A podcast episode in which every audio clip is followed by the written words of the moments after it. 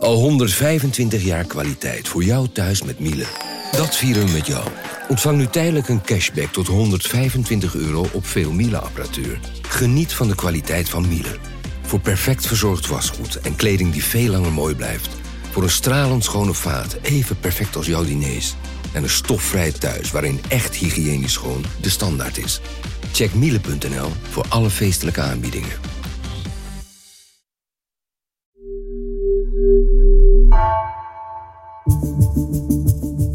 Vanaf de redactie van NRC het verhaal van vandaag. Mijn naam is Misha Melita.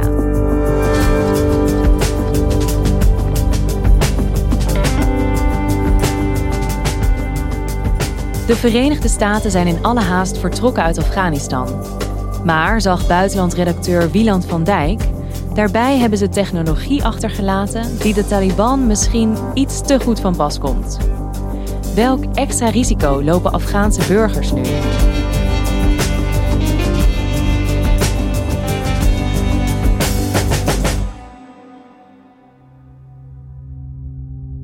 Het is mei 2016. In de buurt van de stad Kunduz in het noorden van Afghanistan werd daar een busconvooi gestopt bij een checkpoint. Gewapende mannen komen de bus in. Het waren Taliban-strijders en ze hadden niet alleen geweren bij zich, maar ook een mysterieus apparaat. Dat apparaat dat ze bij zich hadden, dat gebruikten ze om de vingerafdrukken te controleren van alle passagiers. En ze waren daarbij duidelijk op zoek naar medewerkers van veiligheidsdiensten. Uiteindelijk zijn twaalf mensen toen geëxecuteerd. Nou, dit incident is vijf jaar geleden, maar het is op dit moment helaas weer pijnlijk actueel. Wieland, wat is hier precies gebeurd? Wat was dit voor apparaat op basis waarvan deze twaalf mensen uit die bus werden gehaald? Helemaal duidelijk is dat niet. Maar het lijkt er heel erg op dat het hier ging om een zogenaamde hide. En dat is een handheld interagency identity detection equipment. En dat ziet eruit als een soort, uh, op het eerste gezicht eigenlijk als een soort ouderwetse Polaroid camera. Het is een uh, draagbaar apparaat waarmee je iris-scans, uh, gezichtscans en vingerafdrukken kunt afnemen en controleren tegen een database. En de Amerikanen hebben die apparaten op zeer grote schaal in Afghanistan en in Irak en ook op andere plekken in de wereld ge gebruikt. In bij allerlei militaire en ook uh, civiele missies. Sterker nog, een Amerikaanse onderzoeksjournaliste die uh, Annie Jacobson heet, heeft uh, een boek geschreven dat hierover gaat. En zij beschrijft daarin dat de Amerikanen zich ten doel hadden gesteld om van 80% van de Afghaanse bevolking biometrische gegevens te verzamelen. Dus dan moet je denken aan iris-scans, vingerafdrukken, gezichtskenmerken. Ja, en die hebben ze dus op, op behoorlijk grote schaal verzameld. Want de ambitie was 80%, maar hoeveel? 25 miljoen uh, profielen zouden dat zijn. Nou, de, de, het vermoed wordt dat dat aantal niet is gehaald, maar in ieder geval hebben de Amerikanen daar uh, nou ja, heel veel werk in gestoken. US soldiers outside are using state-of-the-art technology to enter biometric data for all the military-aged men. Uh, today we're doing some biometric enrollment uh, by way of a hide machine, and basically uh, we're getting an iris fingerprints, and a picture. This mission is important because the information that we take today can be stored and used for years to come. Ja, en dat zijn ontzettend veel gegevens. En je zegt al vingerafdrukken, iris-scans. En waar gaat dat vervolgens naartoe, die database? Uh, die, die gegevens die kunnen in ieder geval op het apparaat zelf worden opgeslagen. En uh, verder werden die gegevens ook bewaard in een grote centrale database. Dus los van wat er op het apparaat zelf werd, uh, werd opgeslagen, die hides die kon je ook aansluiten op, op internet of op een netwerk. En daarmee kon je die gegevens ook naar een centrale achterliggende database wegschrijven. Ja, dus je kunt gewoon aan mijn vingerafdruk meteen zien wie ik ben, wat ik voor werk heb gedaan. Ja, ja. En dat is eigenlijk informatie waarvan je niet wil dat de Taliban die in handen krijgt. Ja, dat klopt. Maar het lijkt erop dat de Amerikanen bij hun uh, toch wat chaotische terugtrekking uit Afghanistan tenminste een aantal van die hides hebben achtergelaten en dat die in handen van de Taliban zijn gevallen. Now, um, news that's just coming in seems to suggest that the Taliban have managed to capture what is seen as a crucial biometric device of the United States Army. As the Taliban took control of Afghanistan, militants seized biometric devices used by the U.S. military. The devices contain iris scans, fingerprints, and biographical information of Afghans who assisted U.S. personnel. En weten we ook in hoeverre de Taliban toegang hebben tot die apparaten en tot deze databases? Nou, dat is op dit moment niet helemaal duidelijk. Die apparaten zelf zijn beveiligd. En ook de achterliggende database, daar kom je niet zomaar in. En of de Taliban daarbij kunnen, dat, dat weten we op dit moment niet. Die Intercept, een journalistieke onderzoeksplatform, dat het eerste uh, berichten over die, uh, die heights die in Taliban handen zouden zijn die uh, haalde wel een militaire bron aan die de vrees uitsprak dat bijvoorbeeld de Pakistaanse inlichtingendienst, van wie we weten dat die in het verleden wel eens met de Taliban heeft samengewerkt, wel bij deze gegevens kan of uh, zou kunnen en misschien ook wel bereid zou zijn om de Taliban daar een handje bij te helpen. Investigative reporter at The Intercept, Ken Klippenstein, joins us now to discuss. What I'm told by folks in the uh, special operations community is that there are concerns that either the Chinese or the Pakistani intelligence, which is much more sophisticated than what the Taliban can do, uh, might be able to help them access um, broader uh, remote databases. En het incident uit 2016 laat in ieder geval zien dat de Taliban prima met biometrie weten om te gaan. En waarom hebben Amerikanen die data eigenlijk verzameld? Uh, die apparaten werden in het veld gebruikt om mensen te kunnen identificeren. Afghanistan is een land waar bevolkingsregistratie vaak behoorlijk gebrekkig is. Tegelijk kun je je heel goed voorstellen dat in, in, in zo'n min of meer oorlogssituatie het heel belangrijk is om goed te weten wie je voor je hebt. Zeker als je met lokale medewerkers werkt bijvoorbeeld. Dus die apparaten die werden niet alleen gebruikt voor het identificeren van terroristen bijvoorbeeld. Wat, wat, het initiële doel is geweest. maar ook gewoon om, om personeel op militaire basis, om die te, te kunnen legitimeren. Ja, en zijn eigenlijk in de stap daarvoor bij het verzamelen van deze data door de Amerikanen, zijn daar toen niet ook al vraagtekens bij gezet? Van is dit wel een goed idee? Is dit wel ethisch? Nou, over die heights ben ik die discussie eigenlijk niet echt tegengekomen toen ik me in dit onderwerp ging verdiepen. Uh, misschien omdat het in eerste aanleg echt een militair project was. En daar worden dan toch kennelijk andere vragen over gesteld. Maar die heights die zijn uh, eigenlijk het topje van de ijsberg, vertelde Ramanjit Singh Chima mij. En dat is uh, de Zuid-Azië-directeur van uh, Access Now, een organisatie voor digitale burgerrechten. En ik sprak hem vanuit Delhi, waar hij zit. En volgens hem zijn er in Afghanistan veel meer grote en kleine biometrische databestanden aangelegd. Het Afghaanse ministerie van Binnenlandse Zaken legde bijvoorbeeld zo'n systeem aan met hulp van de Amerikanen, het Afghan Automated Biometric Identification System, waar in 2010 al van zo'n 300.000 mensen gegevens in zaten. Dus niet alleen de Amerikanen hebben biometrische gegevens opgeslagen. Nee, en, en, en daarnaast heeft uh, Afghanistan sinds 2018 een elektronische identiteitskaart. In feite gewoon het, het Afghaanse paspoort. Dat ding heet de e-Taskira. En daar zijn ongeveer 6 miljoen uh, exemplaren van aangevraagd, omdat je die in Afghanistan voor van alles nodig hebt. In zekere zin is het ook misschien wel te vergelijken met het DigiD bij ons. En um, van al die aanvragers zijn vingerafdrukken, iriscans en foto's vastgelegd, maar ook extra gevoelige gegevens. Zeker in de Afghaanse context, zoals religie en etniciteit. Het is een land met heel veel verschillende etnische stammen.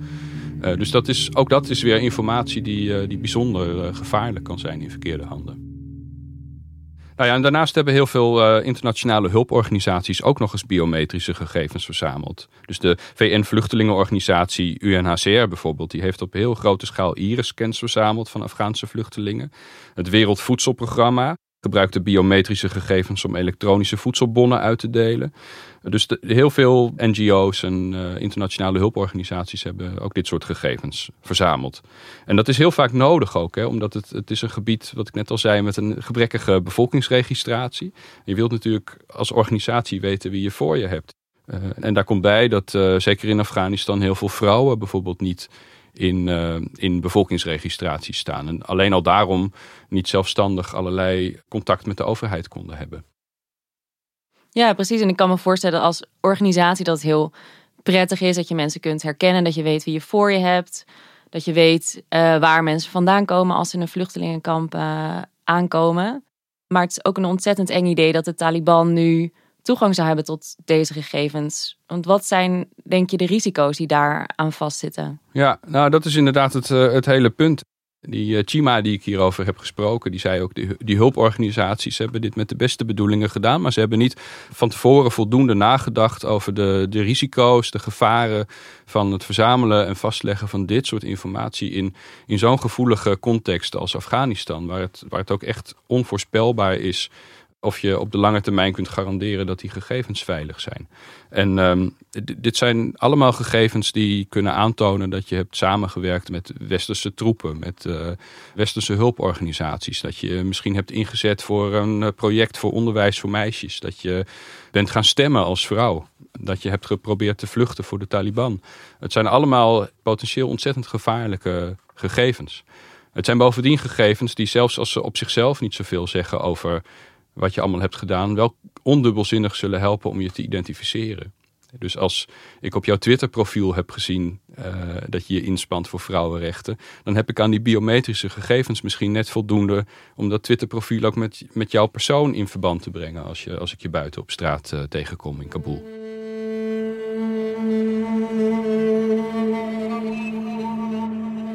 En dat is nu natuurlijk ook de angst, hè? want uh, de, de, Taliban hebben sinds hun machtsovername uh, erg hun best gedaan om de bevolking, maar vooral ook de, de buitenwereld gerust te stellen. Maar er zijn toch wel steeds meer berichten uit het land zelf die op iets heel anders wijzen. Hè? Ooggetuigen die melden dat uh, Taliban-strijders in Kabul van deur tot deur gaan op zoek naar uh, mensen die met uh, westerse organisaties hebben samengewerkt bijvoorbeeld. En daarbij zijn ook al, en dat is het meest verontrustende, berichten dat daarbij van die hides zijn gebruikt. En stel ik sta in zo'n database en ik word gecontroleerd, kan ik nog proberen ja, bijvoorbeeld iets aan mijn gezicht te veranderen, heel veel make-up te dragen. Ja, Human Rights First is een andere mensenrechtenorganisatie. Die heeft vorige week een uitgebreide handleiding gepubliceerd met wat tips over hoe je kunt proberen biometrische detectie te omzeilen. Dat hebben ze gepubliceerd in het Engels, maar ook in het uh, Pashtun en in het Dari. Uh, dat zijn de belangrijkste, de meest gesproken talen in Afghanistan. Uh, en daar staan wat tips in. Bijvoorbeeld kijk vooral in het openbaar als er camera's hangen zoveel mogelijk naar de grond. Ze schrijven ook, het, het, heeft eigenlijk heel weinig zin om een bril of een valse snor of zoiets. Dat, dat daar trapt uh, zo'n systeem niet in. Maar probeer de vorm van je gezicht aan te passen. Dus uh, er staan echt letterlijk tips in voor gezichtsprotheses en, en uh, geavanceerde griems zoals die in, in films wordt gebruikt. Maar ook met de aantekening dat dat eigenlijk in de meeste gevallen niet zal werken. Dus uh, hetzelfde geldt voor iris-scans. Die zijn, die zijn behoorlijk betrouwbaar. Dus je kunt wel gekleurde lenzen indoen en proberen om subtiel met je gezicht uh, te bewegen, waardoor de scan niet goed lukt. Maar eigenlijk heb je alleen maar kans als degene die de, die de controle uitvoert niet goed oplet en een beetje slordig is. Dan heb je, nou ja, ik, ik hoorde iemand die de kans schatte op 1 op 10 dat je dan ontsnapt.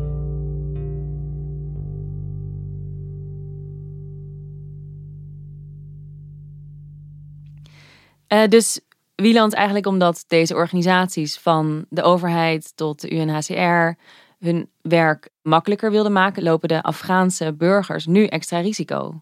Ja, dat zou je kunnen zeggen. En, en dat is natuurlijk niet alleen door die hulporganisaties. Het zijn ergens ook wel gewoon de Afghanen zelf. Want een belangrijk verschil met uh, ruim twintig jaar geleden, toen de Taliban ook uh, aan het bewind waren in Afghanistan, is dat er uh, sindsdien internet is gekomen. Dat was onder de Taliban eind jaren negentig nog verboden. Maar president Karzai heeft, heeft internet geïntroduceerd in Afghanistan. En um, dat betekent dat heel veel Afghanen nu ook op Twitter en op Facebook en op Instagram en op LinkedIn en op allerlei blogs en websites hun digitale sporen hebben nagelaten. En ook die kunnen Afghanen natuurlijk enorm in de problemen brengen. Je ziet nu bijvoorbeeld uh, internationale hulporganisaties die uh, hun websites aan het controleren zijn. Hè, waar dan juichende verhalen staan over uh, projecten met schooltjes, uh, met, met meisjes erop en zo. En ja, als, daar staan dan vaak foto's bij met leden van de plaatselijke bevolking.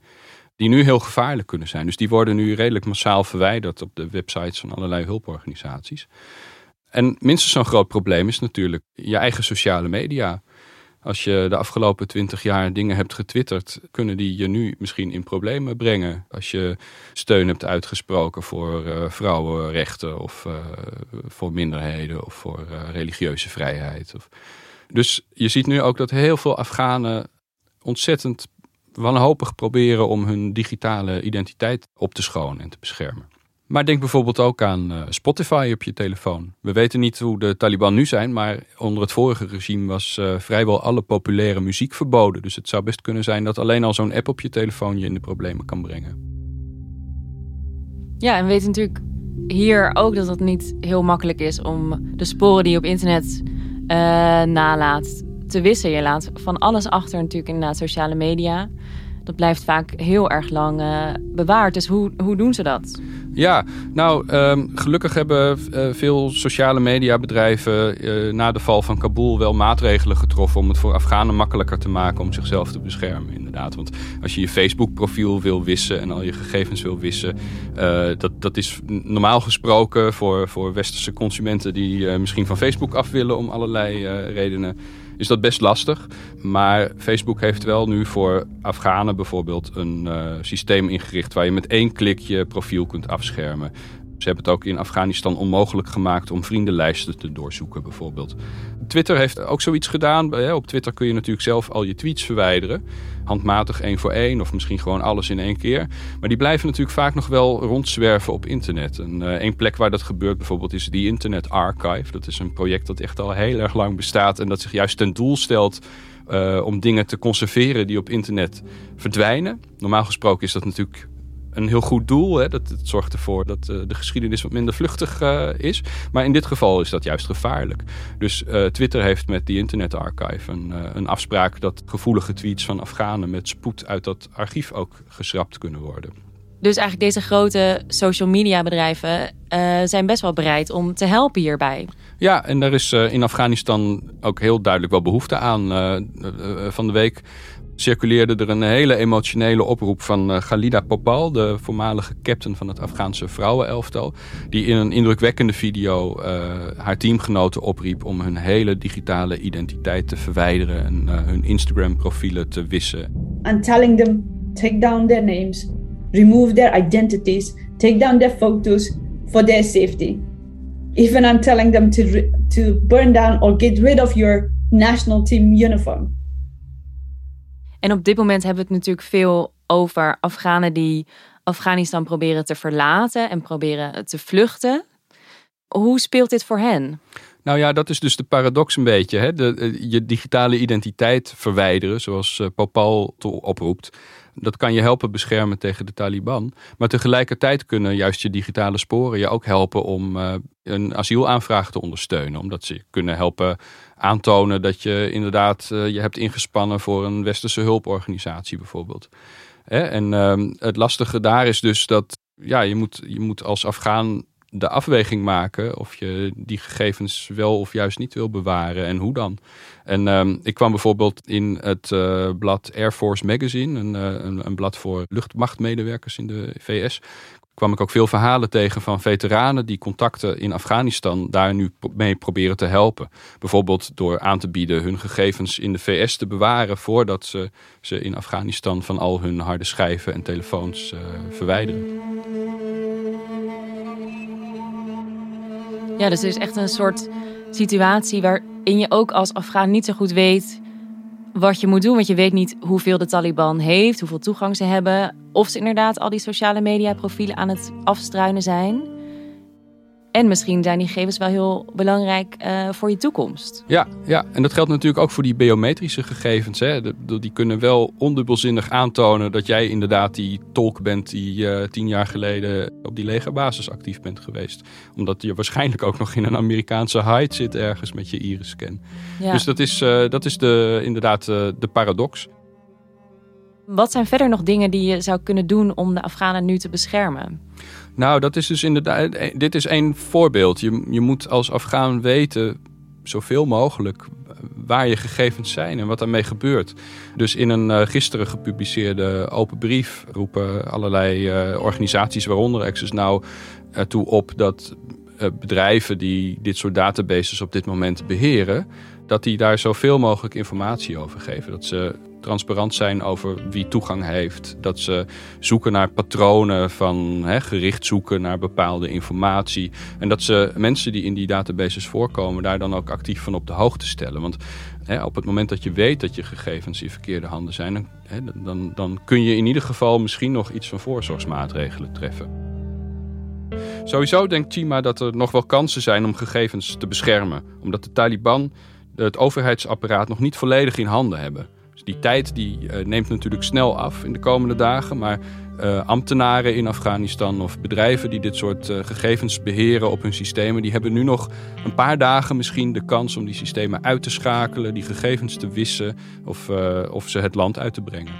Het is nog niet te laat. Het is misschien nog niet te laat.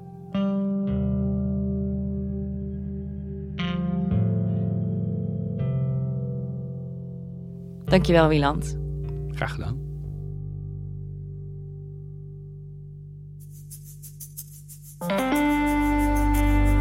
Deze aflevering werd gemaakt door Julia Vier, Wijke van Kolwijk en Jeppe van Kesteren. Dit was vandaag, morgen weer.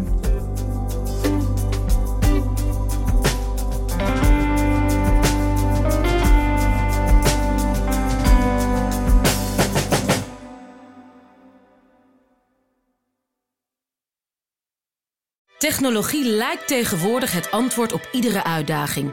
Bij PwC zien we dit anders. Als we de potentie van technologie willen benutten, kunnen we niet zonder een menselijk perspectief. Human-led, tech-powered noemen we dat. Ga naar pwc.nl.